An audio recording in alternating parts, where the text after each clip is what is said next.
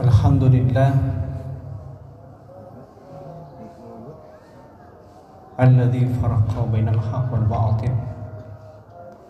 أشهد أن لا إله إلا الله وأشهد أن محمدا عبده ورسوله. الذي لا نبي بعد عنه بعد.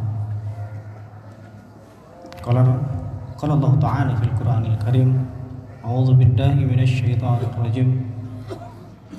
وإذ ابتلى إبراهيم ربه بكلمات وأتمهن قال إني جاعلك للناس إماما. قال ومن ذريتي قال لا تنال أحد الظالمين. الآية قال رسول الله صلى الله عليه وسلم إذا مات ابن آدم انقطع عمله إلا من ثلاث صدقة جارية أو علم ينتفع به أو ولد صالح يدعو له رواه أحمد الله أكبر Allahu Akbar La ilaha illallah Wallahu Akbar. Allahu Akbar walillahil hamd Allahu Akbar Allahu Akbar La ilaha illallah. Aidin wal Aidah rahimakumullah. Ibrahim alaihi salam memiliki gelar Khalilullah kekasih Allah. Setiap rasul dan setiap nabinya memiliki kunjah, memiliki gelar. Yang ketika Allah memberi gelar kepada nabinya dan rasulnya, tidak mungkin tidak ada maksud tidak mungkin tidak ada kedua di dalamnya. Ketika Allah memberikan gelar Khalilullah kepada Ibrahim, itu memiliki beberapa makna di dalamnya. Bahkan Allah mengabadikan di dalam Al-Qur'an. Wa idzibtala Ibrahimu rabbuhu bikalimatin. Ingatlah, pelajarilah Rabbuhu ketika Tuhan Ibrahim memberikan sebuah ujian kepada Ibrahim bi kalimatin dengan beberapa ujian. Wa ta'ammahunna dan Ibrahim mampu lulus dari ujian tersebut.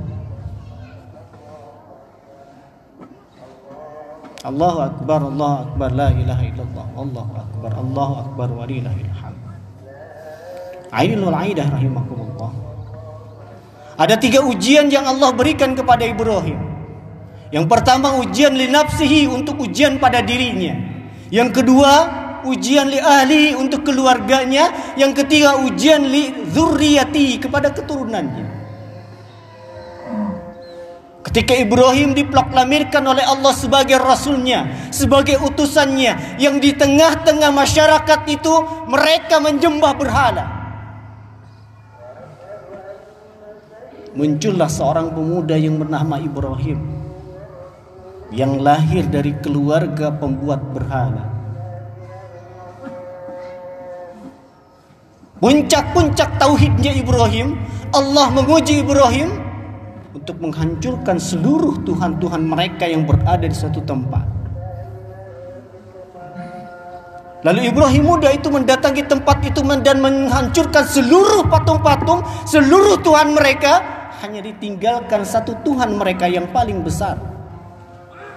Lalu disimpat alat penghancur di Tuhan yang paling besar itu. Maka tersiar kabar. Terdengar oleh seorang raja yang zalim. Maka dipanggillah Ibrahim terjadi sebuah dialog di dalam kodian di dalam sidang yang terbuka. Logika bahasa sudah mulai muncul. Ketika Ibrahim berdialog dengan seorang penguasa, walaupun logikanya sudah tidak bisa terbuka, walaupun kebenarannya sudah nampak, namun karena mereka sudah ber, berkuasa, maka tidak tertanam pada dirinya sedikit. Ketika Ibrahim ditanya, "Betulkah engkau yang menghancurkan Tuhan-Tuhan kami?" Ibrahim menjawab, Sami'atu, aku mendengar bahwa ada satu Tuhan yang paling besar yang dia tidak hancur dirinya. Dan alat penghancurnya ada pada dirinya. Mungkin dia jealous. Mungkin dia cemburu. Raja itu tersenyum lirih dan berkata pada Ibrahim, Hal jununun apa engkau apakah engkau gila wahai pemuda? Mana mungkin patung bisa bergerak? Mana mungkin patung bisa menghancurkan? Mana mungkin patung bisa memberikan mudorot atau memberikan manfaat bagi siapa pun? Kata raja itu. Maka Ibrahim mengatakan, lian fa'uhu walayan walayudirruhu. Kenapa? Jika engkau meyakini patung ini Tuhan ini tidak memberikan tidak bisa memberikan maslahat, tidak memberikan bisa memberikan durut darurat, kenapa kalian sembah? La ajibuhu bihujatihi. Maka raja itu tidak bisa berhujah kembali. Namun karena seorang penguasa, namun karena dia memiliki power, maka hal itu tidak pernah masuk pada dirinya. Isna'u kata raja itu Bangunlah sebuah bangunan yang terbuat dari kayu bakar, maka lemparkanlah Ibrahim ke dalamnya. Ujian pertama Ibrahim. Ketika Ibrahim dilemparkan ke sebuah tungku api yang paling besar. Pertanyaannya, apakah Nabi Ibrahim merasa gentar? Jawabannya iya basyariatul insaniyah muncul sifat manusiawi yang dimiliki oleh Ibrahim Ketika Ibrahim dilemparkan ke dalam tungku api yang sangat besar, maka Allah berfirman, "Ya naru bardan salaman 'ala Ibrahim." Allah mengatakan, "Bar dan salaman." Kata santri ini merupakan sifat bar dan salaman. Selamatkanlah wahai api yang namanya Ibrahim. Pertanyaannya, ketika Ibrahim diselamatkan oleh Allah dan Allah berfirman pada api, apakah sifat api itu hilang? Sifat api itu panas. Contohnya apa? Contohnya seluruh kayu bakar itu hangus menjadi arang. Ujian pertama di nafsi, ujian pertama yang Allah berikan pada diri Ibrahim. Yang ujian ujian itu pula Allah akan berikan pada diri kita. Ketika seorang soleh diberikan sakit, pertanyaan Pak, apakah sakitnya sama dengan orang yang tidak soleh? Tetap sakit.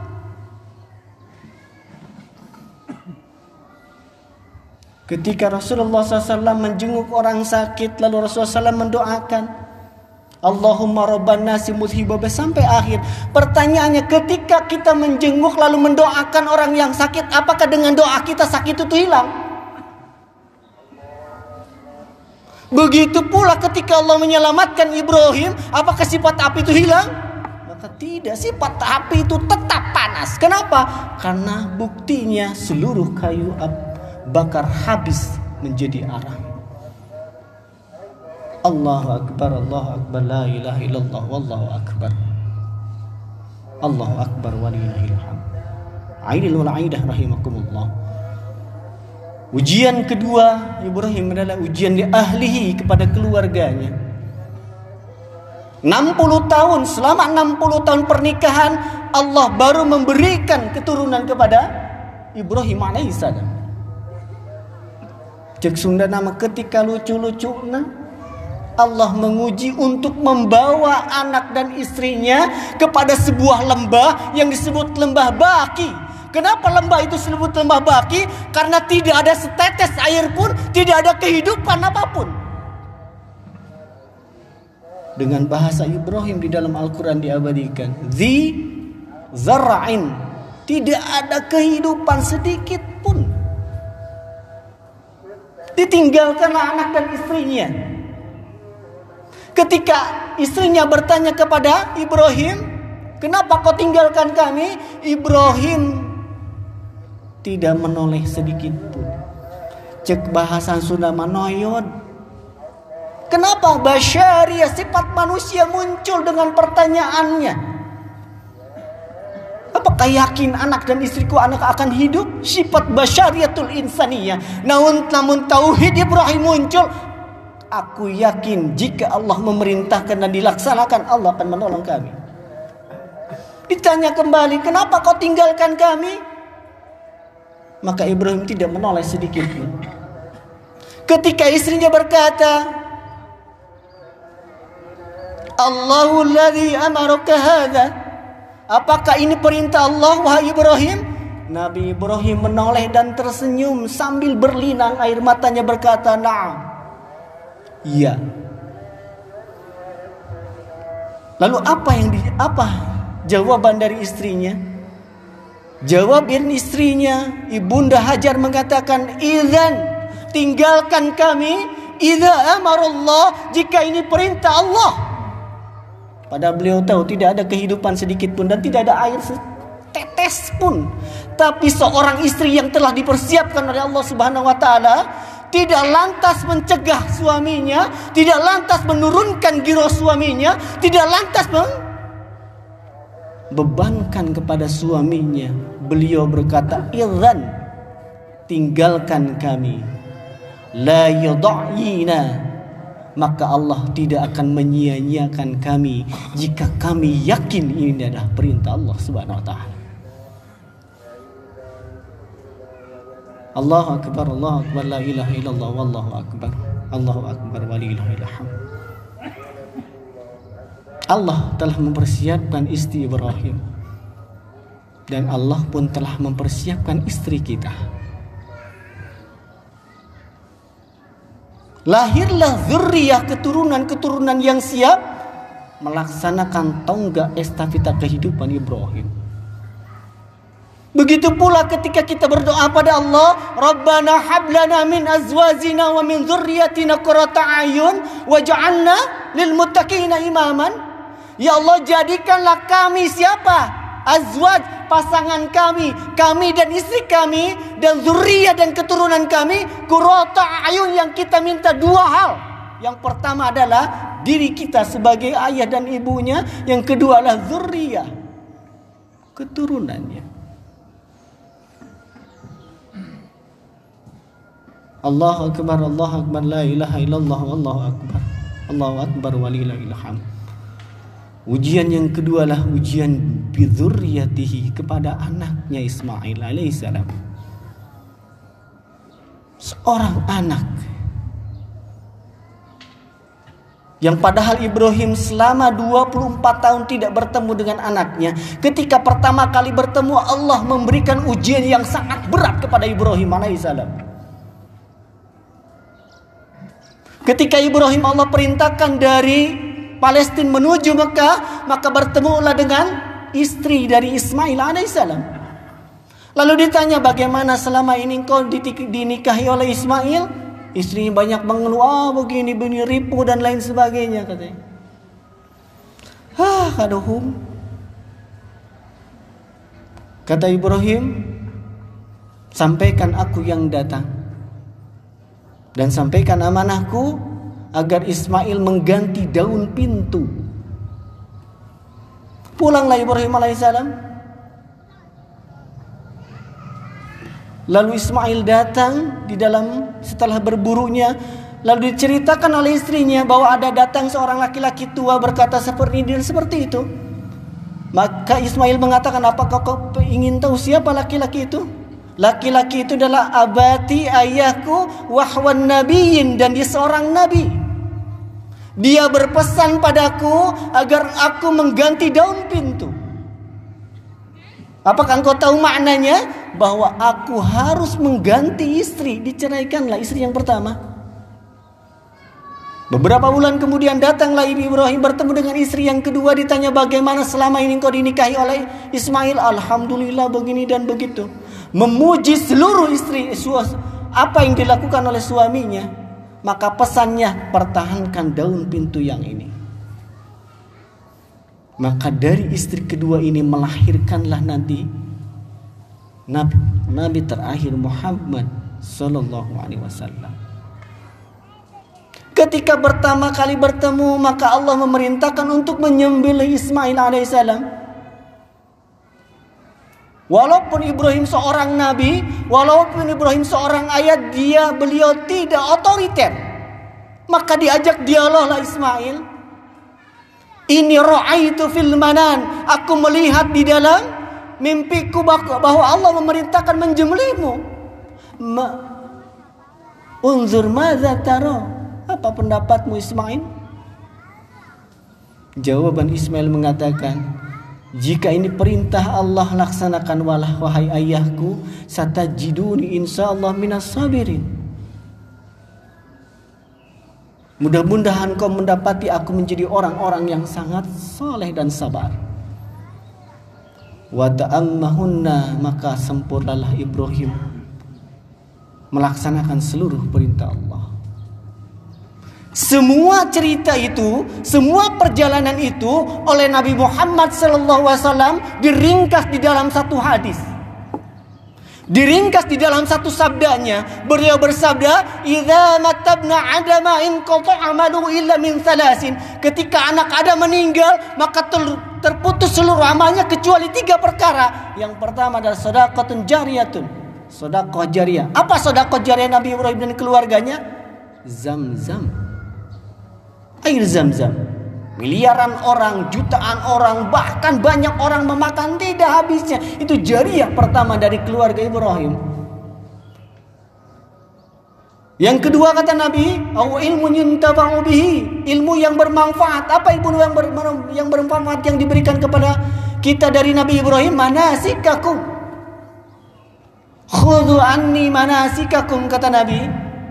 Maka ambillah kalian, ambillah manasik seluruhnya kalian daripada aku. Kenapa? Karena ini milah Ibrahim, milah ayahku Ibrahim. Sampai Nabi mengatakan, ayahku Ibrahim membangun Mekah, maka aku anaknya akan membangun Madinah. Maka Allah jadikan haramain dua tanah haram. Yang ketiga, wawaladun salihun jad'ulahu. Keturunan Ibrahim alaihissalam. والذين آمنوا واتبعتهم ذريتهم بإيمان dan orang-orang yang beriman wattaba'athum dzurriyyatahum dan keturunannya mengikuti keimanan-keimanan orang tuanya alhaqna bihi maka akan Allah berikan haknya kepada mereka haknya apa haknya mendapatkan pahala yang sama ketika melakukan ketika keturunannya melakukan amal yang sama namun akan mendapatkan dosa yang sama manakala keturunannya melakukan dosa yang sama yang dilakukan oleh oleh ayah dan ibunya pula. Allah mengabadikan keturunan Ibrahim di dalam sebuah ayat Allah mengatakan wal ladzina law taraku min khalfihim dzurriyyatan di'afan. Hendaklah kalian takut, hendaklah kalian khawatir meninggalkan di belakang kalian dzurriyyatan di'afan, keturunan-keturunan yang lemah. Khaufun alaihim dan kalian takut kepada mereka. Allah menggunakan dua diksi. Diksi pertama Allah menggunakan kalimat khosya, diksi kedua Allah menggunakan kalimat khofa. Yang kalimat khosya dengan kalimat khofa jika dimaknakan bahasa kita artinya takut. Tapi dalam bahasa Arab berbeda. Kalimat khosya adalah khosya li rasa takut berdasarkan keyakinan dan ideologi. Kalimat khofa adalah rasa takut yang manusiawi saja. Maka di dalam lisanul Arabia mengatakan Ar-rajulu yakhrujul ketika seorang laki-laki keluar dari rumahnya lalu bertemu dengan sebongkah batu lalu dia lalu dia memberikan hormat pada batu itu maka itu disebut khosya. Kenapa? Karena dia bukan hormat pada batu, bukan takut pada batu, tapi meyakini ada kekuatan yang lebih di balik batu itu. Maka orang Arab mengatakan khosya. Tapi ketika seorang Arab lari tunggang langgang karena melihat seekor ular yang sangat berbisa, maka orang Arab mengatakan khaufa. Rasa takut basyariah, manusiawi saja. Maka wajarlah Allah menyimpan di dalam ayat surat An-Nisa ayat 9 awal dan pertama menggunakan kalimat khosya wal yakhsal ladzina law taraku min khalfihim dzurriyyatan di'afan khaufun 'alaihim Waliyakhsan hendaklah kalian takut, hendaklah kalian khawatir, meninggalkan di belakang kalian zuriatan di'afan, generasi-generasi yang lemah. Secara apa? Secara akidah. Khaufun alaihim, maka kalian memiliki kekhawatiran untuk dunia mereka. Tonggak pertama dasar pendidikan untuk keturunan kita adalah khasyah, takut pada Allah, yaitu dengan dasar akidah barulah kita berpikir tentang dunia mereka. Seorang ayah merasa tidak bisa nyaman. Ketika apa? Ketika mendapatkan laporan tahunan anaknya kimia eksaknya itu nilai di bawah 5 dan berkata pada istrinya, "Ma, anak kita kita peripatkan saja." Seorang istri berpikir logis, mahal pak, baik mahal ge sabar dibayar ke bapak mah daripada tuh bisa digawe, daripada tidak bisa bekerja daripada tidak bisa makan katanya. Kenapa? Karena melihat nilai eksak anaknya di bawah lima. Tapi jarang orang tua tidak bisa tidur.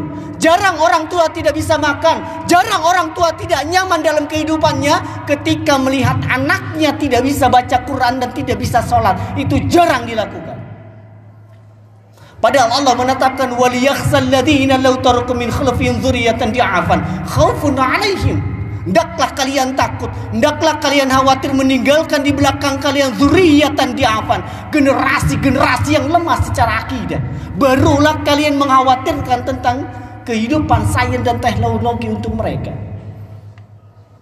Itulah yang dilakukan oleh Ibrahim alaihi salam sehingga Rasulullah SAW mengabadikan dalam dalam sebuah hadis Idza matabna Adam in qata'a amaluhu illa min thalasin. Ketika anak Adam meninggal maka terputus seluruh amalnya kecuali tiga perkara. Anak yang soleh, sedekah jariyah dan ilmu yang bermanfaat. Allah akbar, Allah akbar, la ilaha illallah, Allah akbar, Allah akbar, wa la ilaha illallah. Aidin wa aidah ya rahimakumullah. Ada sebuah kejadian yang mungkin saya tidak akan lupa sampai akhir hayat dan pernah saya sampaikan di mana pun saya berada. Ketika satu rombong satu rombongan pengajian mendatangi kenduri kematian, di rumah mewah itu sudah tergolek satu sosok tubuh yang sudah berkain kapan warna putih. Di pinggir jasad itu ada seorang laki-laki yang sedang menangis. Ketika kami akan menyolatkan jasad itu, maka terhalang oleh seorang laki-laki yang sedang menangis itu. Lalu salah seorang di antara kami menghampiri laki-laki itu seraya dia berkata, "Jangan lamunya ah kamayit bangges tong ciri orang salatkeun." Laki-laki itu tidak menjawab malah semakin jadi dia menangis. Lalu kami tidak menghiraukan laki-laki itu terus menyolatkan jasad yang sudah siap disolatkan. Beres menyolatkan lalu kami bercengkrama dengan istri yang ditinggalkan oleh almarhum. Tidak selang lama kemudian, laki-laki itu menghampiri kami dan salah dan berkata berkata kepada salah seorang di antara kami, Ustadz, bukan saya tidak mau menyolatkan menyolatkan ayah saya, ternyata ayahnya. Bukan saya tidak mau memberikan prosesi terakhir untuk ayah saya Ustadz. Tapi ketika saya berdiri di depan jasad ayah saya Ustadz Apa yang mesti saya baca Ustadz?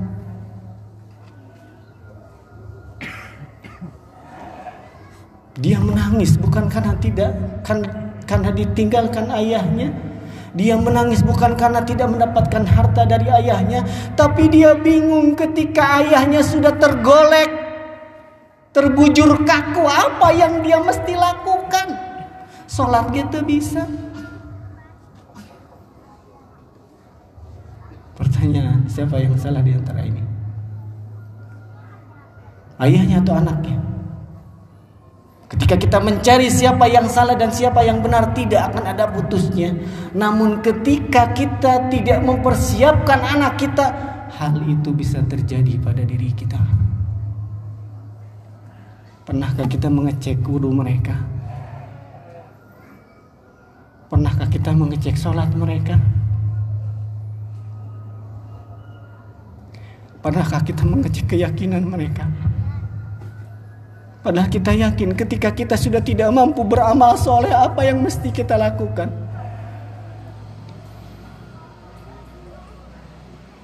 Kita yakin kita tidak sempurna kehidupan amal kita. Hanya sandaran kita kepada keturunan kita. Ketika Ibrahim alaihissalam lulus dari ujian yang Allah berikan maka Allah tetapkan ini jailu nasa imaman maka aku jadikan engkau Ibrahim sebagai pemimpin bagi manusia. Apa yang diminta oleh Ibrahim? Ibrahim berkata, "Wa min dzurriyyati." Wahai Allah, bagaimana dengan keturunanku ya Allah? Engkau engkau engkau jadikan aku sebagai pemimpin, bagaimana dengan keturunanku? Seorang visioner berpikir bukan pada dirinya saja, tapi bagi keturunannya. Bagaimana dengan keturunanku? Allah mengatakan, "Ya, lan tanala ahda zalimin kecuali keturunanmu yang berbuat zalim." Idza mattabna Adam in qata'a amaluhu illa min salasin ketika anak Adam meninggal terputus seluruh amalnya kecuali tiga perkara. Salah satunya adalah wawaladun salihun yad'ulahu, anak yang soleh yang yad'ulahu. Allahu akbar, Allahu akbar, la ilaha illallah, wallahu akbar, Allahu akbar, walillahil hamd. Rasulullah SAW bersabda, waladun salihun ya'rafuhu ma Anak yang soleh itu kata Nabi mengetahui kekurangan orang tuanya Anak yang soleh itu mengetahui kekurangan orang tuanya. Namun anak yang soleh yang dia sudah mengetahui kekurangan orang tuanya tidak lantas dijadikan alat melawan orang tuanya. Akan tetapi dia berusaha kamilatun amala huma. Dia berusaha menyempurnakan kekurangan orang tuanya. Bukan lantas menghardiknya, bukan lantas menyalahkannya, tapi dia mencoba kamilah menyempurnakan kekurangan orang tua waladun salihun. Kenapa? Karena yakin bahwa dirinya tidak bisa berbuat apa-apa kecuali ada andil orang tuanya. Aidil aidah rahimakumullah. Ketika kita sudah tidak bisa beramal soleh, maka harapan kita hanya kepada keturunan kita. Marilah kita berdoa pada Allah Subhanahu wa taala dan kami yakin bahwa hari ini hari yang baik, hari yang penuh berkah. Allah akan mendengar permintaan kita. Rabbana la tuzigh qulubana wa min ladunka. Rabbana hab lana min azwajina wa min dhurriyyatina qurrata a'yun waj'alna lil muttaqina imama. Ya Allah, kami sadar kami adalah makhluk yang malas beribadah. Kami sadar kami adalah makhlukmu yang masih gemar melakukan maksiat padamu. Kami sadar kami adalah makhlukmu yang masih berhitung-hitung tentang pahala ketika melaksanakan apa yang kau perintahkan. Namun pada hari ini ya Allah, rubahlah semua itu ya Allah. Gantikanlah semua itu ya Allah. Ya Allah ya Rahman ya Rahim. Jadikanlah istri, suami, anak-anak kami penyejuk mata hati kami. Jadikanlah mereka yang mendorong kami untuk melakukan aktivitas yang kau ridhoi. Jangan kau jadikan mereka yang mendorong kami untuk melakukan aktivitas yang kau murka. Ya Allah, Ya Rahman, Ya Rahim, kami sadar kami orang tuanya masih banyak melakukan memberikan kudah yang kurang baik pada mereka. Kami tidak sempurna ya Maka berikanlah kemampuan kepada kami untuk memberikan suri tauladan kepada keturunan dan generasi kami. Ya Allah, ya Rahman, ya Rahim. Ampunilah dosa kedua orang tua kami. Sayangilah mereka, ya Apiatkanlah mereka ya Allah Ya Allah berikanlah kesehatan kepada kedua orang tua kami Ya Allah jika mereka sudah bertemu dengan maka berikanlah makom yang indah dan tinggi di hadapanmu ya Allah. Ya Allah ya Rahman ya Rahim. Begitu banyak kesalahan kami yang kami belum sempat meminta maaf kepada mereka ya Allah. Allah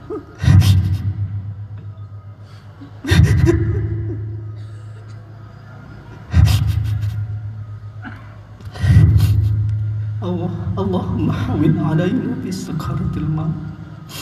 Ya Allah, betullah kami ketika kami syakaratul maut Bantulah kami Allah.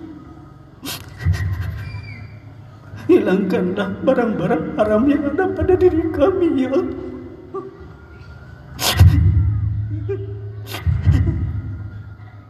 Mampukanlah kami mengucapkan la ilaha illallah.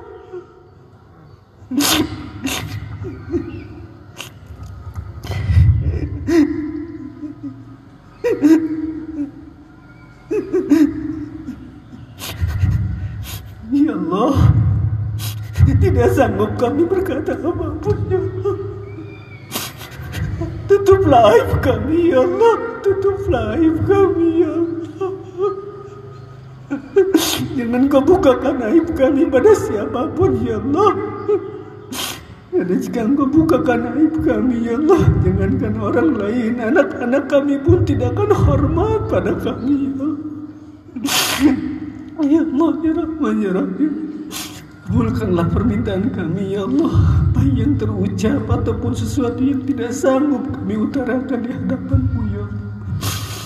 Ya Allah ya Rahman ya Rahim Terimalah seluruh ibadah kami ya Allah. Terimalah ibadah kami ya Allah. Rabbana atina fid dunya hasanah wa fil akhirati hasanah wa qina adzaban nar qulu qawli hadza astaghfirullah li wa lakum. Assalamualaikum warahmatullahi wabarakatuh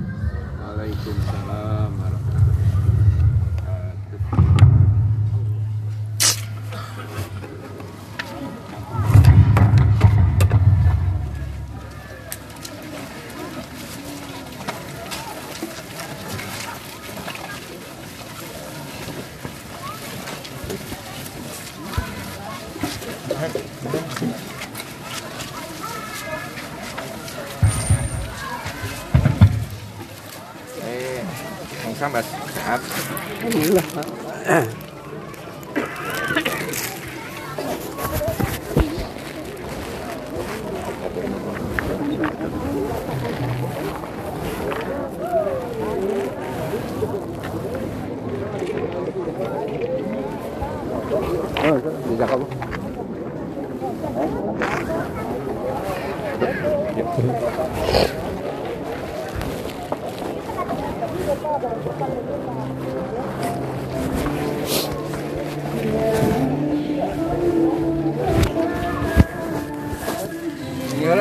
我我